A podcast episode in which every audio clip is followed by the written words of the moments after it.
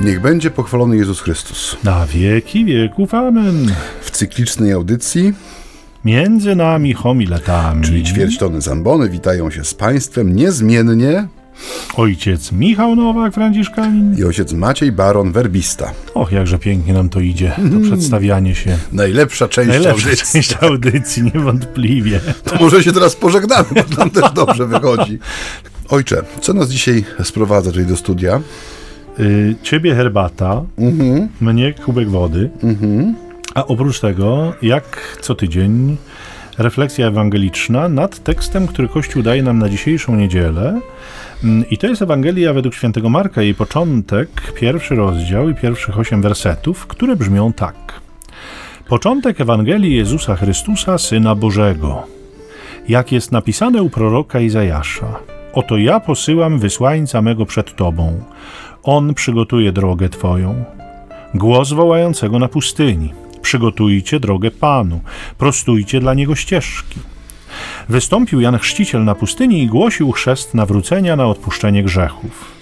Ciągnęła do niego cała judzka kraina oraz wszyscy mieszkańcy Jerozolimy i przyjmowali od niego chrzest w rzece Jordan, wyznając swoje grzechy. Jan nosił odzienie z sierści wielbłądziej i pas skórzany około bioder, a żywił się szarańczą i miodem leśnym i tak głosił. Idzie za mną mocniejszy ode mnie, a ja nie jestem godzien, aby schyliwszy się, rozwiązać rzemyk u jego sandałów. Ja chrzciłem was wodą, on zaś chrzcić was będzie duchem świętym. Tyle słowo nam mówi.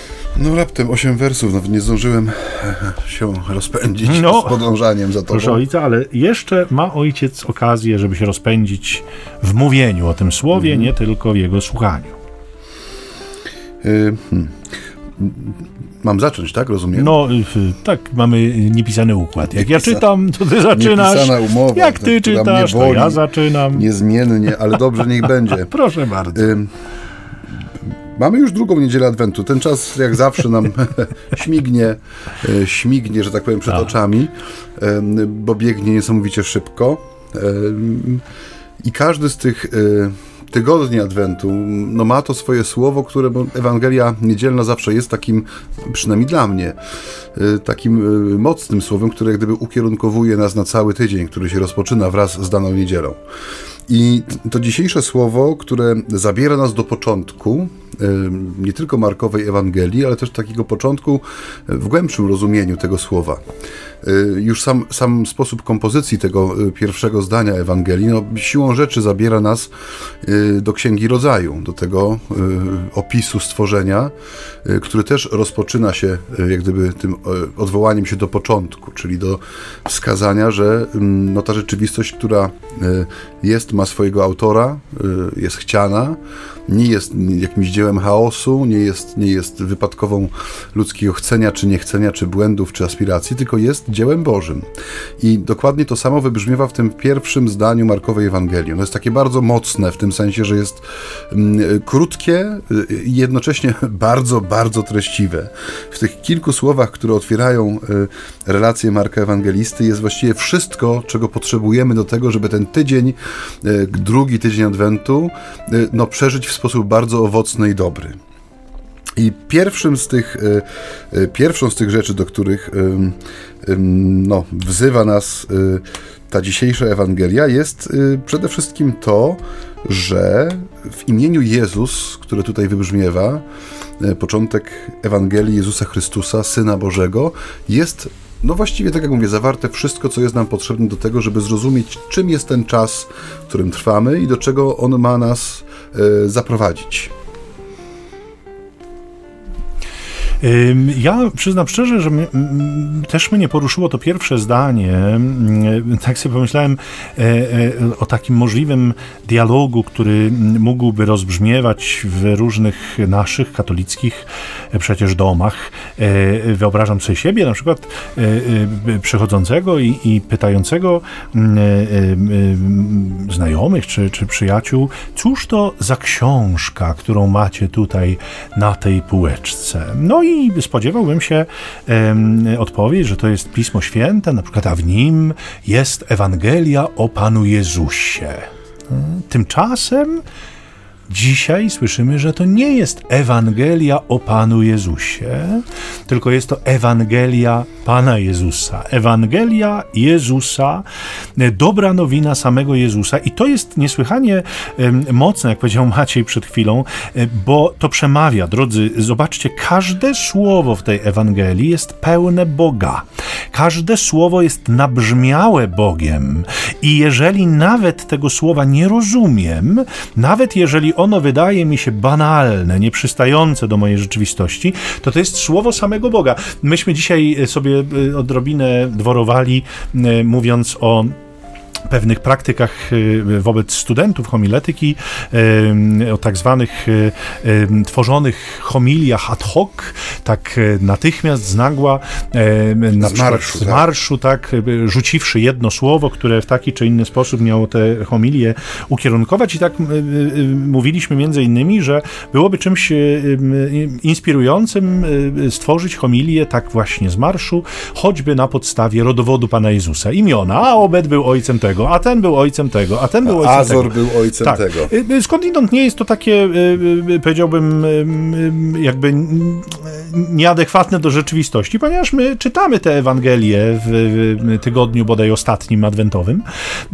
wobec czego jakąś homilię na ten temat trzeba powiedzieć kiedyś w, w ciągu roku liturgicznego, ale powiedzmy sobie szczerze, to jest takie słowo, które w pierwszym odbiorze zniechęca, bo to jest imię za imieniem, imię za imieniem, rodowód, który pokazuje przodków jednego za drugim i tak naprawdę możemy sobie powiedzieć, no mój Boże, czy tego nie można było pominąć? Po co to w tej Ewangelii? Nie? Co, co to daje? Co, co, w jaki sposób to może mnie dotknąć? Ja y, nawet w rozmowie z Maciejem wspominałem dzisiaj y, bodaj pierwsza Księga Królewska, pierwszych kilka rozdziałów, to są same imiona, absolutnie i wyłącznie same imiona, y, więc kiedy otwieramy Księgę Pisma Świętego, ja czytając swego czasu właśnie w perspektywie lekcji kontinua Pismo Święte w całości, właśnie natknąłem się na te rozdziały i mówię sobie, no przebrnąć przez nie, to rzeczywiście jest osiągnięcie. Z wiarą, że to jest natchnione słowo, że w tym słowie jest Bóg obecny, dokładnie tak jak w każdym innym słowie.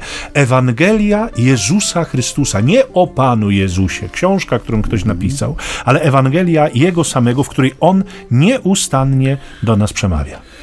No i to imię Jezus, które jest tutaj właśnie nie jako e, no, dopełnienie nie jako tytułu, tylko właśnie jako ten podmiot, który się wypowiada. Ewangelia Jezusa Chrystusa przypomina nam, że w imieniu Jezus jest zebrana cała e, miłość, mądrość Pana Boga, który wkracza w historię człowieka z bardzo konkretną misją ocalenia tego wszystkiego, co się e, było zgubiło. Ale w tym tekście, a właśnie w tym, pier- a właściwie w tym pierwszym zdaniu jest zawarte też coś, co mam nadzieję wybrzmi także dla Was, drodzy słuchacze. Mianowicie w tym pierwszym zdaniu zawarta jest konieczność decyzji, którą musi podjąć słuchacz czy też czytelnik. Jak będzie czytany i słuchany ten tekst? Czy będzie to niezwykła historia o tym, co wydarzyło się właśnie kiedyś? Czy właśnie, czy to będzie historia, czy czytanka o Panu Jezusie?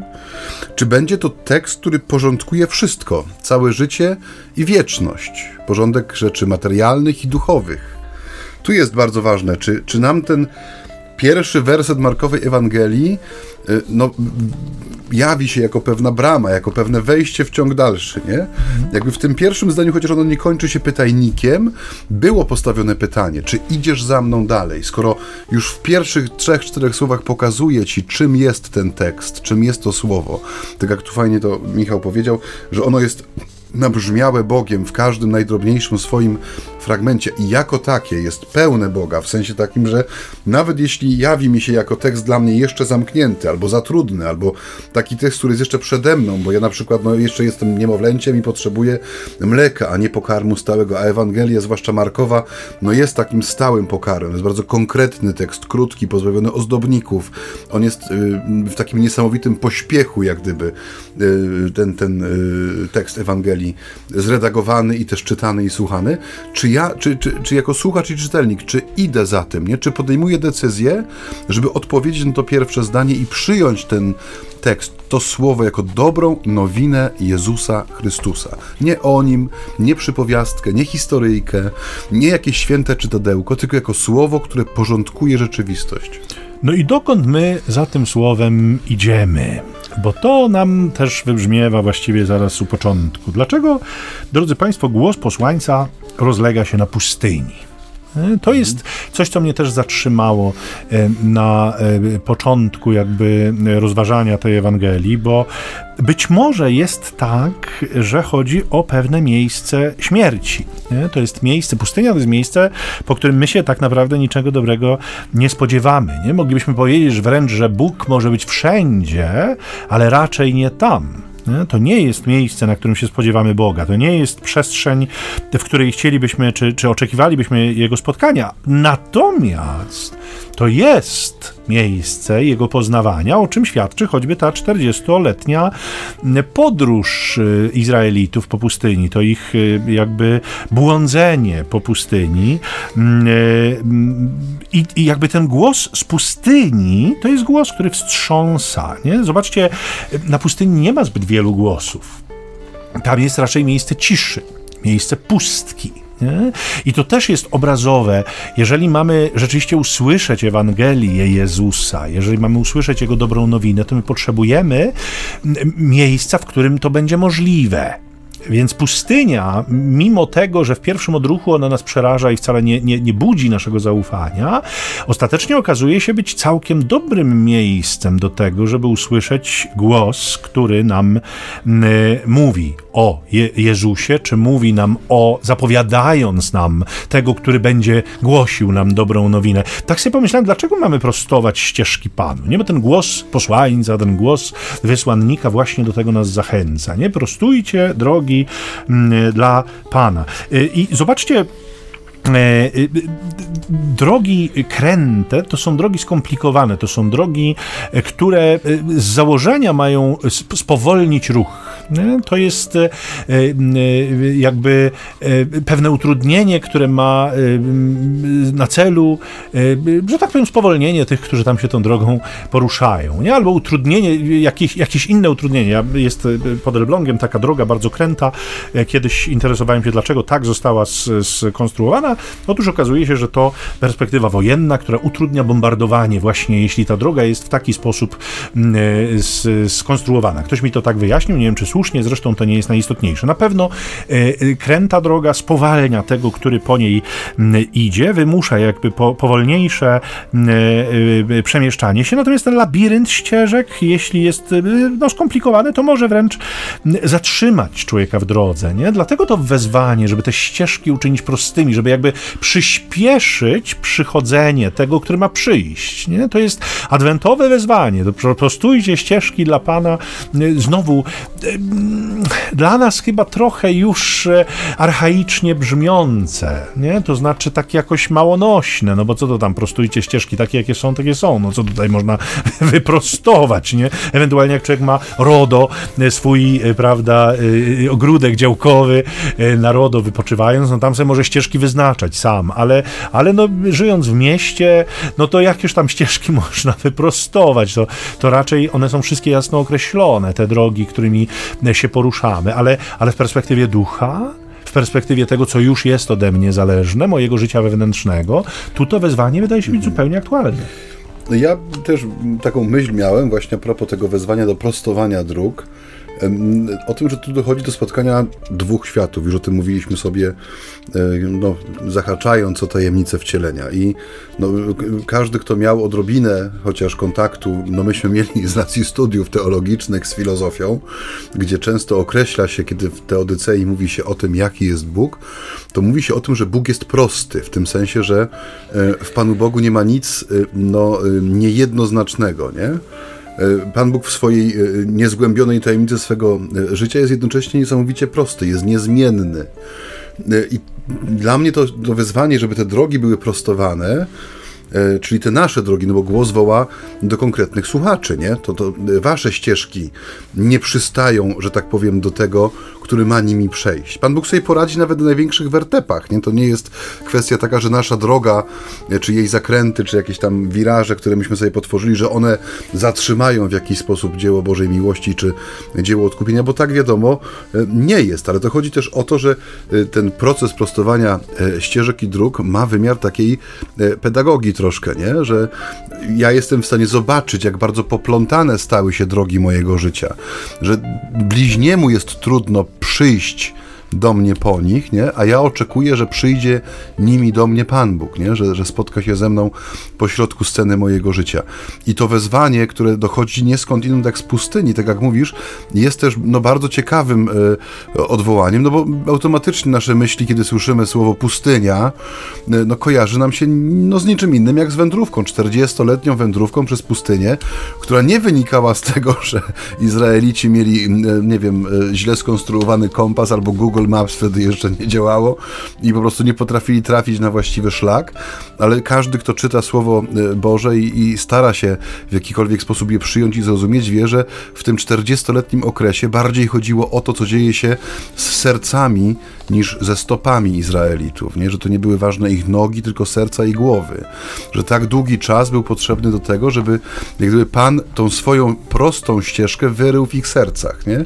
I do tego potrzebne były, było to ciągłe wędrowanie to oderwanie jak gdyby od wszystkiego, co no, jest tym zgiełkiem i hałasem jakiegoś osiadłego życia i, i, stanie się na ten czas nomadą, czyli kimś, kto nie ma stałego miejsca pobytu, jak gdyby którego miejscem, miejscem zamieszkania jest sam Pan Bóg, nie? bo o to też chodziło jak gdyby w tym, w tym wychowaniu tego pokolenia, które zakończyło wędrówkę po pustyni, że y, to było pokolenie, które y, no, miało przynajmniej w założeniu w tej Bożej pedagogii być pokoleniem otwartym właśnie na tą świadomość, kim jest Bóg w, w tym przymierzu, które zawiera z człowiekiem, nie? że jest, jest rzeczywiście domem człowieka, jest jego schronieniem, jest jego obfitością, jest tym, który troszczy się o najdrobniejsze potrzeby, poprzez chociażby to manchu, przez te przepiórki, przez tą troskę też, która się kształtowała o to w tych różnych przepisach, które tam są dosyć szczegółowo oddane, w opisie tej wędrówki, że, że no, było to żłobienie tej ścieżki Bożego Prawa w sercu człowieka. I no, przez, już jakby przez samo to odwołanie, przez czas Adwentu, w którym trwamy i przez tą pustynię, do której jesteśmy no, w jakiś sposób pociągnięci dzisiaj przez to słowo, e, no, jest też komunikowane coś bardzo ważnego dla nas, nie? że pustynia, tak jak Michał powiedział, nie jest miejscem zagłady, chociaż my ją często tak właśnie może widzimy, poprzez to, że jest brak wody, brak pożywienia, że jest w nocy niesamowite niesamowity ziąb, a w ciągu dnia niesamowity upał, że są jadowite zwierzęta, e, że są fatamorgany, są miraże, które zwodzą człowieka właśnie, ściągają go e, z tego traktu czy z drogi, którą musi podążać, żeby na przykład zmieścić się między oazami i móc mieć zapas, nie wiem, pitnej wody i suszonych daktyli, żeby nie umrzeć w drodze po prostu z głodu i spragnienia, że to są bardzo ważne obrazy, chociaż tak jak Michał mówi, no one nam już dzisiaj często nic nie mówią, nie? No tak jak pewnie większość z nas, no chodzimy ulicami, które są w jakiś tam sposób na równoległej, równoległej siatce rozpisane. E, raczej nie prostujemy sobie poza RODO, RODOSami e, ścieżek, czy, czy nie, nie, nie, nie, nie tworzymy ich, ale tu jest to odwołanie bardzo głębokie do rzeczywistości duchowej, w której mamy ten adwent przede wszystkim przeżyć, nie? że to jest czas, w którym ma się kształtować ta ścieżka, po której Pan Bóg przychodzi do mojego serca. I ja mam zobaczyć też, jak bardzo mocno po, po, pokomplikowane są drogi, które ja sobie w, w, we wnętrzu swoim tyczę cały, cały czas, nie? Wydeptuję je no, na swój sposób, prawda? Szukając jakichś różnych obejść, skrótów, prawda? Czy szukając doznań nowych, bo jest mi w życiu nudno i smutno. To wszystko są okazje, w których my cały czas zadeptujemy jak gdyby tą, tą prostą drogę i robimy sobie właśnie taki labirynt, który często y, nie prowadzi do niczego innego, jak tylko do zatrzymania się w drodze.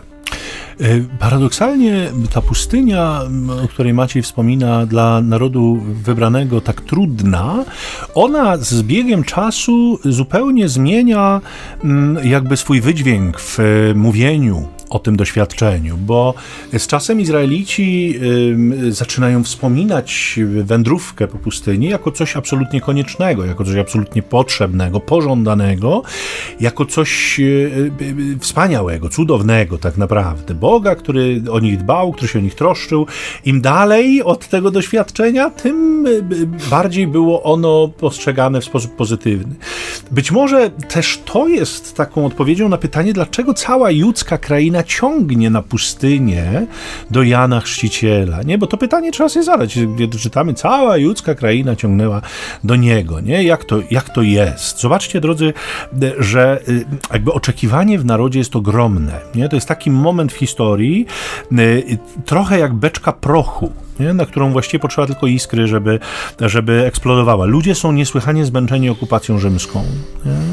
Nie? Z drugiej strony Bóg milczy już dość długo, nie pojawiał się głos prorocki w Izraelu, więc tak naprawdę oni wiedzą, że Mesjasz miał nadejść, ale nie nadchodzi, więc może to on nie? Może ten, który wystąpił na tej pustyni, to właśnie on. Nie? Może warto iść i sprawdzić, może warto się po prostu e, przekonać. Nie? I Jan y, oczywiście niewątpliwie jest postacią szczególną. My jeszcze będziemy sobie mówić w tym adwencie o nim, bo on jeszcze nam się pojawi i będziemy podkreślać to, y, że jest niesamowicie ważne w historii Jana to, że on wie, kim nie jest. To jest y, absolutnie priorytetowe, ale to może nie dziś o tym, bo rzeczywiście w kolejną niedzielę, bodaj następną, tak, w następną mhm. jesteśmy konfrontowani e, z, tym, z tymi wypowiedziami Jana, w których on jakby artykułuje bardzo jasno, kim nie jestem.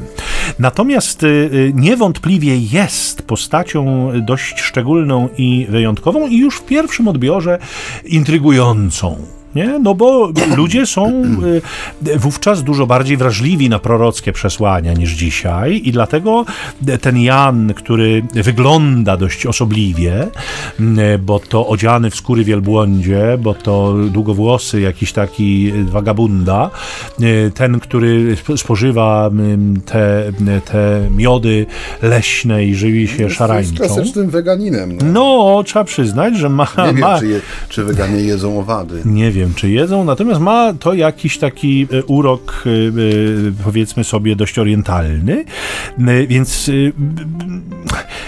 ten objaw y, y, pierwszy, czy rzut oka pierwszy może na, na, na Jana y, sprawia, y, że oni są zaintrygowani, dlatego że, że wówczas ten, ten wygląd zewnętrzny y, od razu nie, nie kwalifikował człowieka jako szaleńca. Nie? No dzisiaj, gdybyśmy takiego Jana spotkali, to wielu powiedziałoby, no freak, nie? wariat, wariat, ewidentny wariat. Można się uśmiechnąć do niego co najwyżej z obawy, żeby... Tylko z daleka. Czasem, z daleka. Tak, żeby czasem... Żeby nie pogryzł. Nie pogryzł, bo może w przerwach między konikami polnymi lubi sobie utrącić też ludzki palec na przykład, nie? Więc to y, y rzeczywiście y, y, y, jest pewien przejaw jakiejś nadzwyczajności w Janie, ale to jest też wyraz, i to lud wyczuwa chyba, takiego podporządkowania swojego życia misji. Nie? To jest pewien znak wiarygodności. U Jana to jest pewien objaw wyrzeczenia. Nie? I myślę, że do dzisiaj tak jest. Zauważcie, drodzy Państwo, i myślę, że to potwierdzicie, jeżeli, jeżeli macie dostęp do życia waszych głosicieli, nie? to znaczy Ewangelii, głosicieli Ewangelii, do waszych duszpasterzy, jeżeli jakby widzicie, macie możliwość zobaczyć ich życie, także od takiej strony no nie kościelnej, nie liturgicznej, takiego zwykłego ludzkiego życia. Więc jeżeli to życie jest zbieżne z tym, co mówią, jeżeli ono w jakiś sposób potwierdza głoszoną przez nich Ewangelię, to czyni ten przekaz mocniejszym po prostu. Nie? Natomiast jeżeli, jeżeli to życie w jakiś sposób odbiega od tego, co, e, co głoszą, no to zdecydowanie mniej chętnie się ich po prostu najzwyczajniej, najzwyczajniej słucha. Nie? Zobaczcie, że Jan przemawia do tego stopnia do ludzi swoją osobowością, swoim wyglądem, że oni się nie wahają mu nawet wyznawać swoich grzechów. Nie? Y, innymi słowy, jego postawa i jego głoszenie wzbudzają w nich takie zaufanie i otwartość, takie przekonanie o tym, że wszyscy są grzesznikami i że wszyscy potrzebują mm, e, e, nawrócenia. Natomiast to jego przesłanie, jeszcze raz to podkreślę, choć tylko zarysowując temat, który nam wróci, e, jest zdumiewające, nie? bo on mówi: To jeszcze nie ja przyszliście sprawdzić, ale to jeszcze nie ja. Za mną idzie mocniejszy. I to ma wzbudzić w ludziach takie, taką myśl, to znaczy kto, kim on jest, ten mocniejszy, skoro ten niezwykły człowiek nie, sugeruje swoją całkowitą niegodność. Taką niegodność, że mówi: Ja nie jestem w stanie, nie jestem godny nawet być niewolnikiem tego, który idzie po mnie. Bo zawiązanie sandała czy rozwiązanie sandała to była funkcja niewolnika. Nie, ja nawet jego niewolnikiem nie jestem godzien zostać. To jest to przesłanie, które zostawia nam Jan, które wypowiada wobec nas Jan mm, e, dzisiaj. Odpowiedzi na te nurtujące wszystkich pytania poznamy już niebawem po krótkiej przerwie muzycznej, y, na którą teraz Państwa serdecznie zapraszamy.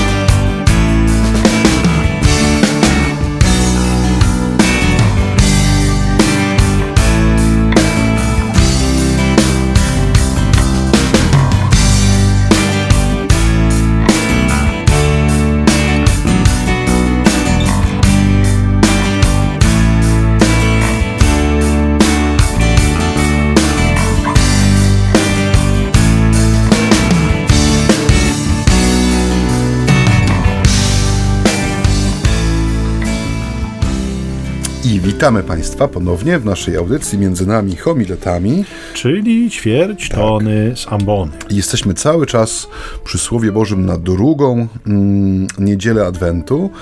Przeszliśmy już e, szlakiem bojowym przez pierwsze zdanie tejże Ewangelii i w tej chwili jesteśmy przy mm, osobie e, Jana Chrzciciela, która to osoba no, jest jednym e, z bohaterów tego czasu Adwentu, czasu radosnego oczekiwania.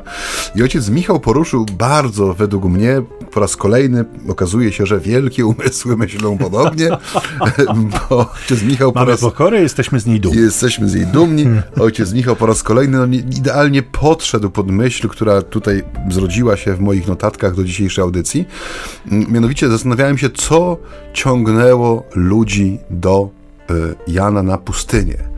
Bo tak jak no, no, znamy pewne reguły takich zachowań stadnych, prawda? No nie wiem, promocja w dużym sklepie znanej sieci meblowej potrafi sprawić, że parking przed y, centrum handlowym jest po prostu no, zapchany do imentu, nie ma jednego wolnego miejsca, tak?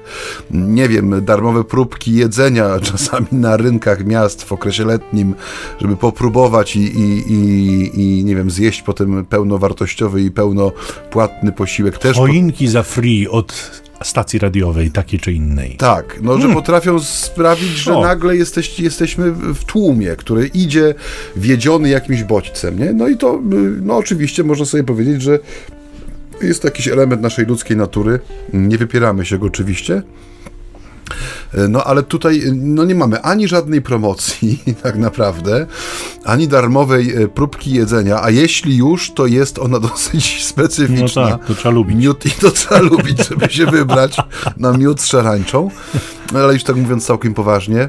Mm, I ojciec Michał powiedział o spójności, o takiej integralności e, Jana Chrzciciela i jego orędzia i sposobu w jaki on to orędzie no, przedstawiał, w jaki sposób głosił, no i reprezentował też sobą. I ojciec Michał też bardzo pięknie zauważył, żeby spojrzeć na życie naszych ewangelizatorów, czy naszych pasterzy, czy w ogóle spojrzeć na własne życie. Nie? Ta Ewangelia dzisiaj, w tą drugą niedzielę Adwentu, naznacza nam, tak jak żeśmy to już mówili we wstępie, jak gdyby sposób przeżywania całego tygodnia.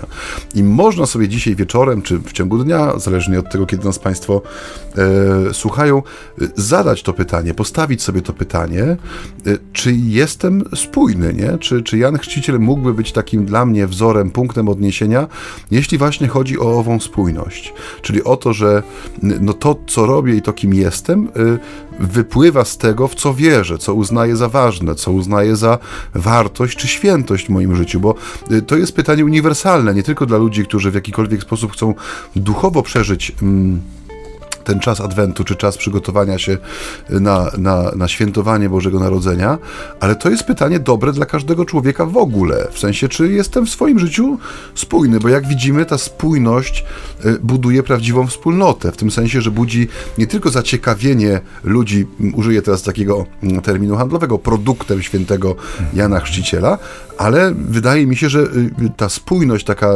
jedność życia i wiary sprawia, że znika wiele tych barier, które bardzo często y, no, są między nami a bliźnim, nie? Barier, które wynikają przede wszystkim, wydaje mi się, z jakiegoś takiego lęku, żeby to, w sensie, no nie to, tylko żeby prawda o tym, kim jestem naprawdę, przypadkiem nie wydostała się na zewnątrz, nie? Bardzo często, kiedy rozmawiam z ludźmi, którzy y, no, starają się w jakiś taki bardziej świadomy sposób przeżywać, czy to sakrament pokuty, czy jakąś formę duchowego kierownictwa, to to wychodzi na pierwszy plan, nie? że y, bardzo często pojawia się, i to jest dobre, że to się pojawia, ale pojawia się słowo świadczenie, świadectwo, w tym sensie, że, że brak go, w tym sensie, że ono nie jest pełne, bo nie ma tej jedności między tym, jak żyję, y, albo inaczej, czego nie boję się pokazywać na zewnątrz, a tym, w co tak naprawdę wierzę. Ale na szczęście, y, z tego co ja widzę i słyszę, naprawdę bardzo wiele osób Y, ten brak równowagi ma po tej dobrej stronie, w tym sensie, że boją się jak gdyby w pełni obnażyć ze swoją wiarą. Nie tyle, że boją się obnażyć ze swoim grzechem czy słabością, czy z jakimiś niecnotami, które im się zdarzają, ale boją się jak gdyby pokazać na zewnątrz to, y, w co wierzą, to, dlaczego jest to dla nich ważne. I szukają też bardzo często nowych dróg wyrażania tego, począwszy od swoich najbliższych, nawet od kręgu rodzinnego, po, nie wiem, współpracowników, znajomych. E, czyli jest, jest to jest też takie bardzo dla mnie budujące, że jest takie pragnienie bycia świadkiem w świecie, nie? Z tym, że, no tak jak mówisz, wydaje mi się, że często też, no jest też taka. Yy, bariera w postaci braku środków, żeby to rzeczywiście stało się tak czytelne i tak pociągające, jak w przypadku y, Jana Chrzciciela, nie? Bo no, trzeba zauważyć jedno, że on ma niesamowite ubóstwo środków, nie? To nie jest y, y, jakaś scena zastawiona rekwizytami, na której on jako reżyser, aktor i jakiś, nie wiem, demagog przyciąga ludzi, mami ich jakimiś, nie wiem, magicznymi sztuczkami, a potem odsyła ich z niczym. Tam jest pustynia, czyli no dosłowne pustkowie. Jest człowiek, y, który głosi to, czym żyje, w sensie jest przywiązany, no może nie tyle przywiązany, ale jest y, y, uwiązany niejako u swojej misji, że on nie, nie, to jego pastwisko, na którego Pan wyprowadził, jest bardzo ubożuchne pod względem środków, ale jednocześnie niezwykle skuteczne, jeśli chodzi o to, co właśnie tu ojciec Michał zauważył, że cała kraina Y, y, szła do niego, nie? Czyli to musiało być niesamowite mm, doznanie, widzenie tego człowieka, słyszenie tego, co on mówi, doświadczenie tego gestu prostego, w sumie no bardzo też powszechnego, nie? W sensie woda w każdej tradycji, czy bliskość rzeki to była rzecz no esencjonalna dla każdego miasta chociażby, nie? Więc to nie było coś, że on stanął nad rzeką i im szczęki opadły, bo zobaczyli płynącą wodę, nie? czy jakiś tam ciek wodny, ale prostota gestu i jedność tego y, gestu ze słowem i z życiem sprawiają rzeczywiście cuda, w tym sensie, że to nie jest E, nie jest e, jednostkowy przypadek, tylko no, mamy tłum, który odczytuje prawidłowo ten znak, nie? Tak, to y, Jan stanowi zapowiedź, sam, cały jest zapowiedzią nie, Jezusa. I zobaczcie, nawet ten chrzest jego jest, jest tylko zapowiedzią. Nie? To jest pewien symbol, to jest pewien znak, to jeszcze nie przynosi skutków sakramentalnych.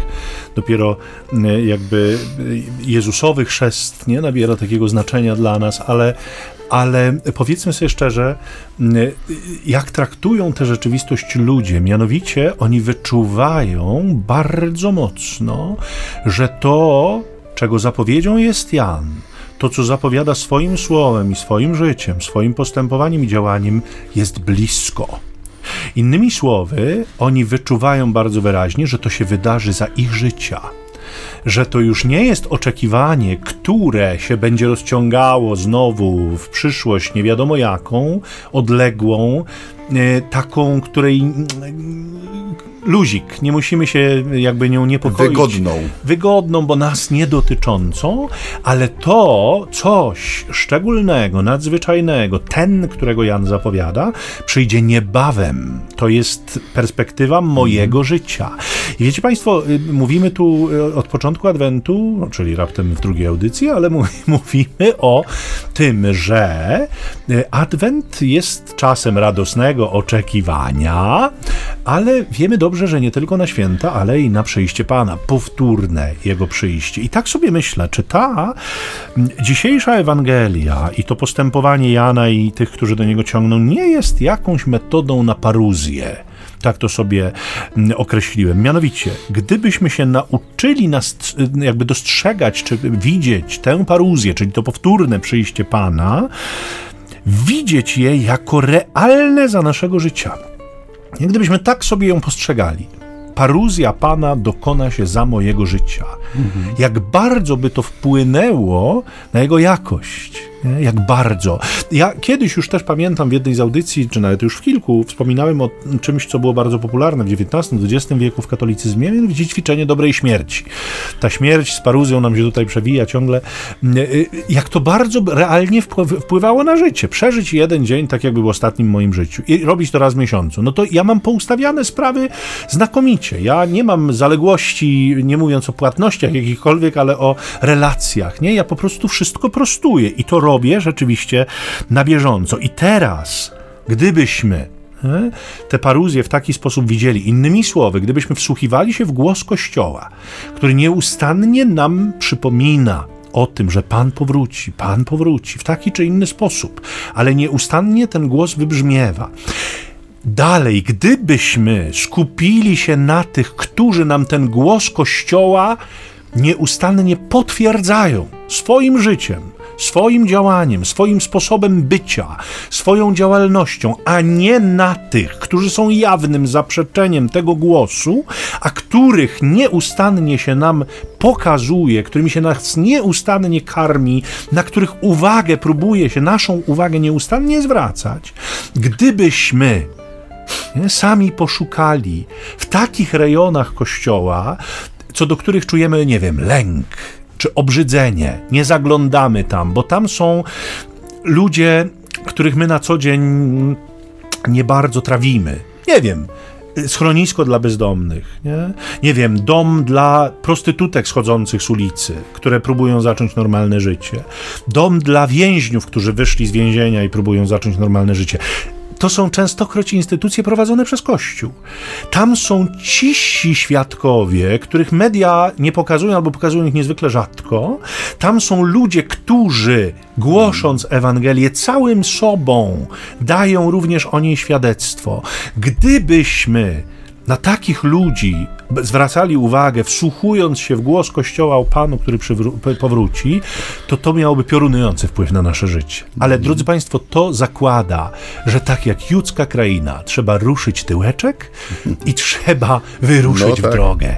Trzeba zadać sobie trochę trudu, nie? Trzeba wyjść z tej strefy komfortu, o której mówił papież Franciszek, zejść z kanapy, nie? wyłączyć telewizor, a pójść i popatrzeć tam, gdzie to rzeczywiście się dokonuje, tam nad ten Jordan, gdzie ten Jan stoi i tych ludzi wodą polewa. Podobno całkiem oryginalnie wygląda. Mm-hmm. Więc jeżeli Państwo mieszkacie sobie w takich miejscach, w których Kościół prowadzi jakieś ciekawe wydarzenia, a jest ich mnóstwo, absolutnie mnóstwo, może warto sobie taką wycieczkę zrobić poglądową. Chętnie Was wpuszczą, oni Wam pokażą, pokażą wszystko chętnie, bo to jest y, jakby radość, kiedy ktoś przychodzi i chce zobaczyć, co my robimy.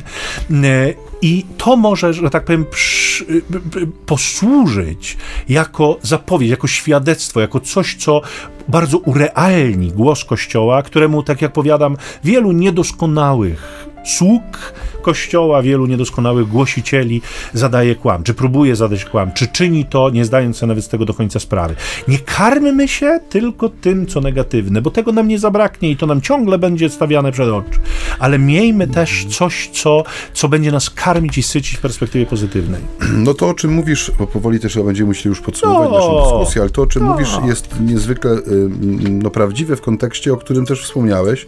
Mianowicie, że to, co czasami jest y, no, na siłę wtłaczane też jako taki, no, trzeba powiedzieć wprost, negatywny i bardzo płytki y, obraz Kościoła, y, czy zredukowany do jednego problemu, czy jednego skandalu, czy jednej wręcz osoby, karmi ludzi, którzy są absolutnie bierni w swoim chrześcijaństwie, jeśli w ogóle są w sensie w jakikolwiek sposób związani z, ze wspólnotą Kościoła. Zauważ, że bardzo często ta, te rzesze ekspertów, nie wiem, od zamykania kościołów, od wysyłania księży na Madagaskar, od, no, no masę jest takich różnych dziwnych zjawisk, czy, czy, czy akcji medialnych, mniej czy bardziej skutecznych, że najczęściej to są ludzie, którzy nie mają no, czym się pochwalić w tej dziedzinie, o której w tej chwili wspomniałeś, nie?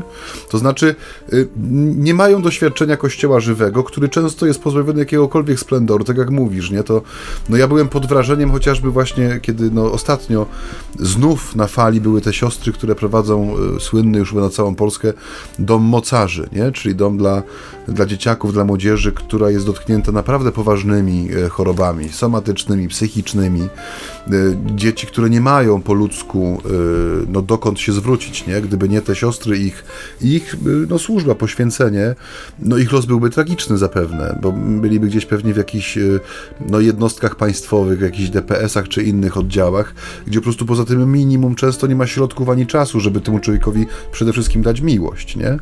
I kiedy mamy takie miejsca, trzeba je zawsze, według mnie trzeba je zawsze ze, ze wszelkich sił y, promować, używając wszystkich możliwych dostępnych środków, bo one pokazują Kościół żywy. Ten Kościół z nad, z Jordanu, w tym sensie Kościół ludzi nawróconych, bo, bo tam to nawrócenie jest powszechne w tym sensie, że ja głęboko wierzę, że chociażby właśnie te siostry, nie, że one do, doświadczają każdego dnia swojego nawrócenia, kiedy dotykają y, Chrystusa w drugim człowieku, jak to mówiliśmy na początku Ewangelii, na początku rozważań do Ewangelii na Niedzielę Chrystusa Króla, nie? że, że ta, no to, to, to jest żywy kościół, nie? Bez, mówię, bez nazwisk wielkich, bez, bez splendorów, bez y, no, jakiejś tak, inscenizacji. I, w nas często jest jakaś taka gotowość promowania jakichś eventów, w sensie kulturalnych, fajnych rzeczy, nie? Koncertów ewangelizacyjnych, różnego rodzaju marszy, y, no nie wiem, y, y, przy, no, no, przystanek już nie Woodstock, tylko teraz jakoś inaczej nazywa, miał swoją inicjatywę przystanek Jezus, szeroko promowaną i fa fa fantastyczna sprawa, nie? Ale wydaje mi się, że tak na co dzień, w tym takim powszednim przeżywaniu wiary, a jednak Adwent jest obrazem ludzkiego życia, czyli tej prozy naszego życia, że brakuje nam tego, nie? I że wszędzie tam, gdzie mam doświadczenie żywego Kościoła, czyli mam doświadczenie ludzi, którzy w, w, w zetknięciu się ze Słowem doznali tego, tego pragnienia nawrócenia i żyją tym rzeczywiście, że to musi być pokazywane, to musi być opisywane, fotografowane y, w sposób jak najbardziej pozwalający na dostęp, tak jak mówi, żeby to można było dotknąć tego, żeby zobaczyć, że są takie miejsca i że to też jest Kościół, nie? Że to nie są jacyś elitarni komandosi Pana Boga, tylko to są ludzie, y, no, którzy są częścią mojej wspólnoty, nie? że ich, ich moc w tym sensie, ich siła jest też jakimś źródłem mocy dla mnie, przynajmniej do refleksji, czy do, do głębszego właśnie traktowania y, tych znaków y, i dni wyjątkowych, jakimi w tej chwili jesteśmy obdarzeni. Dlatego ja myślę, że nie będzie tu niczym niestosownym wyrażenie u końca tej naszej audycji wdzięczności. Tym wszystkim bezimiennym częstokroć chrześcijanom, świeckim, duchownym, zakonnym, niezliczonej rzeszy sióstr zakonnych, o których choćby Maciej wspomniał, tej niezliczonej rzeszy pracowników takich bardzo cichych świeckich, którzy, którzy rzeczywiście oddają swoje życie służbie e, drugim, ale także duchownym, bo my znamy też księży, dobrych księży, naprawdę. Znamy kapłanów, duszpasterzy, którzy poświęcają, znamy takich, którzy godzinami potrafią siedzieć w konfesjonale, którzy potrafią naprawdę wiele rzeczy zrobić zupełnie za darmo, mimo tego, że powielokroć jest y, ten schemat y, myślowy wdrażany czy wtłaczany w nas, że, że ksiądz nie zrobi ci nic za darmo. Y, chcemy podziękować Wam. Myślę, że w imieniu też wielu ludzi, którzy korzystają z Waszej pomocy, za to, że jesteście takimi świadkami, takimi Janami chrzcicielami, że, że posługujecie w perspektywie świadka i w perspektywie zapowiadania tego, który idzie w ślad za Wami, bo rzeczywiście On rozesłał tych, których wybrał, tam, gdzie sam przyjść zamierzał i tam, gdzie wy jesteście, gdzie pełnicie tę służbę miłości, jest przecież i On. Dlatego z całego serca wam dziękujemy za wasze świadectwo i za to, że możemy się nim karmić. Jeżeli tylko zadamy sobie odrobinę trudu i na nie spojrzymy i rzeczywiście je znajdziemy, dopatrzymy się go, to ono jest sycące. Niech Pan będzie waszą nagrodą. A my powoli lądujemy chyba dzisiaj rzeczywiście, bo, bo czas nas goni. E, I chyba trzeba e, powiedzieć do usłyszenia, ale, trzeba. ale z nadzieją, Z nadzieją. z nadzieją że, że tak, że następne spotkanie już za tydzień, w trzecią niedzielę Adwentu, natomiast dzisiaj e, czas powiedzieć do usłyszenia. I jak rozpoczęli tę audycję ojciec Michał Nowak-Franciszkanin, I ojciec Maciej Baron Werbista. tak zakończą ją ojciec Maciej Baron Werbista, I ojciec Michał Nowak-Franciszkanin. Audycja y, między nami homiletami, czyli ćwierciotony sambony dobiegła właśnie końca. Niech na ten niedzielny dzień, poranek czy też wieczór pobłogosławi was nasz Pan przez ręce Ojca Macieja Pan z wami. i z Duchem Twoim. Niech was błogosławi, zachowa od wszelkiego zła Bóg Wszechmogący, Ojciec, Syn i Duch Święty. Amen. Trwajmy w pokoju Pana. Bogu niech będą dzięki, pokój dobro. Pokój i dobro.